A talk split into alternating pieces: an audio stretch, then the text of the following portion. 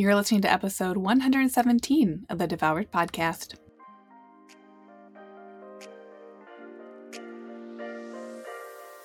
Welcome to Devoured, the podcast for women ready to release the title of Dieter for Good.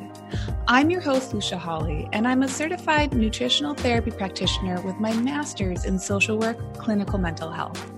I've lost 80 pounds and I'm on a mission to get you into the life of your dreams without being the woman who is consumed by diet after diet trying to get there. If you're wanting more in your life and are tired of wondering when or how to make that happen, then this is a podcast for you. You'll learn how to make the radical changes you've only dreamed of 100% possible for you today. I'm so happy you're here.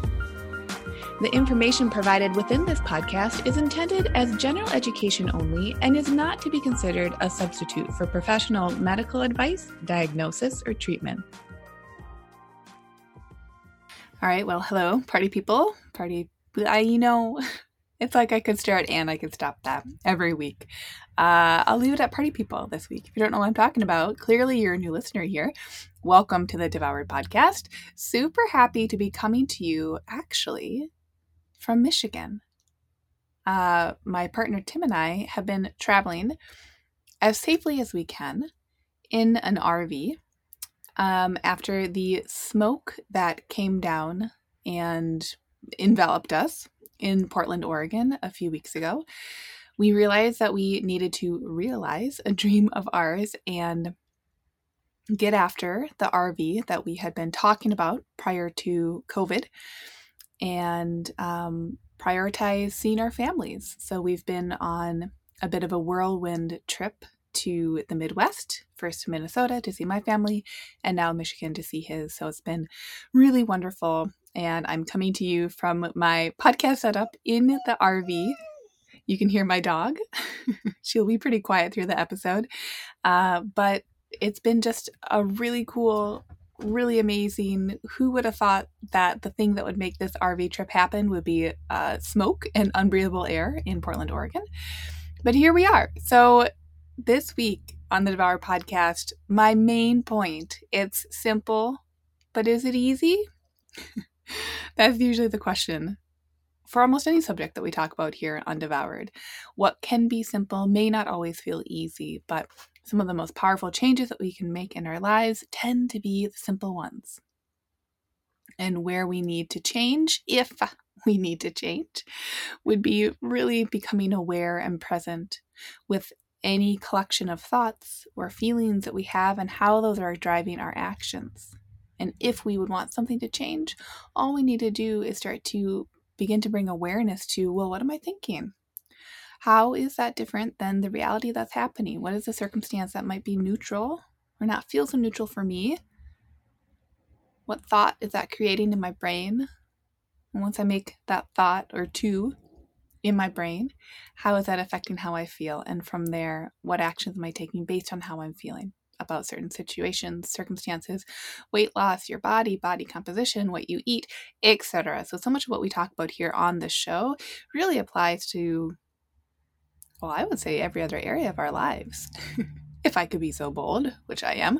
So, this week, the title is pretty telling. Your focus is for you, okay? So, here's a down and dirty. When we begin our wellness pursuits, we often do need to learn from others, right? We have to learn well, what is protein? Why is butter healthy? Why did I not learn that before? Can I eat potatoes? Are potatoes a food for me to eat? Are those healthy? What's in them? How do I cook them? Do I like leftovers? How do I reduce my acne? What is my acne actually telling me or showing me? What is that my acne inviting me into? What do you think about heavy periods? right? So often when we're beginning our wellness pursuits, we're learning and invoking education from other people, right? Those are just a handful of examples, but the examples could go on and on and on. However, after a certain point, that external focus of asking outwards of other people, of institutions, of medical professionals, which, by the way, always work with a medical practitioner when it comes to anything having to do with your health and wellness. But in this nuanced conversation, that external focus can no longer drive our wellness after a certain point. An example of that might be it might not necessarily be useful to calculate one more macronutrient split, right? It might not actually be desirable to quote unquote start over one more Monday, clean eating plan in hand. So today's episode is for those of you who have done the learning from others. And if you now feel like you're spinning your wheels around your health and wellness, I want you to get curious this week. Maybe instead of being a bad thing, that feeling of spinning your wheels, that feeling that something has gone wrong or that you just need one more thing, one more calculation, one more plan, one more schedule. Maybe that feeling of spinning your wheels is simply a sign that you're ready to shift your gaze from the external learning and education to the internal learning and focus. Maybe it's a sign that you are now at that point in your wellness journey where it's no longer about learning and integrating how others focus their health, what others can offer you around health and wellness, from the bigs to the littles. You may actually be at that point where your focus is for you. And when it comes to nutrition, what I want you to think about this week is that your plate is for you. This is something that I've had to grapple with, uh, the long and the short of it. And here's like a little tiny example of this. Because I always want to share, to teach, or to create space and containers for others to figure themselves out. I used to take a lot of photos of my food, and I still do take those photos. Like I just posted one a couple weeks ago on Facebook of a, I think, beautiful salad that really like hit all the marks for me. But I'm also recognizing that towards the end of 2020, which is where we find ourselves in this episode, we have a few months left, but you know, I'm finding a big draw to go inwards with myself. And to trust that those who will need to find me will, to trust that those who need to ask the questions will, to trust that if I set the cadence and rhythm of my focus is for me in my own life, that it will indeed have the ripple effect onto others too. And you know what? Like, how beautiful is that? In trusting that my focus is for me, and in doing so, I create the opportunity for your focus to be for you. Now, if this is getting rather meta, all I mean is this. If you're scrambling to figure out how to feed yourself this week, if things are getting a bit quote unquote hack y, like you're trying to hack your health, why not take that as a sign that you truly know enough and that you can take action this week to come back to your own basics? That you can trust them point blank, no questions asked, no forums scrolled, no explanations needed, and no posts bookmarked that you can simply be.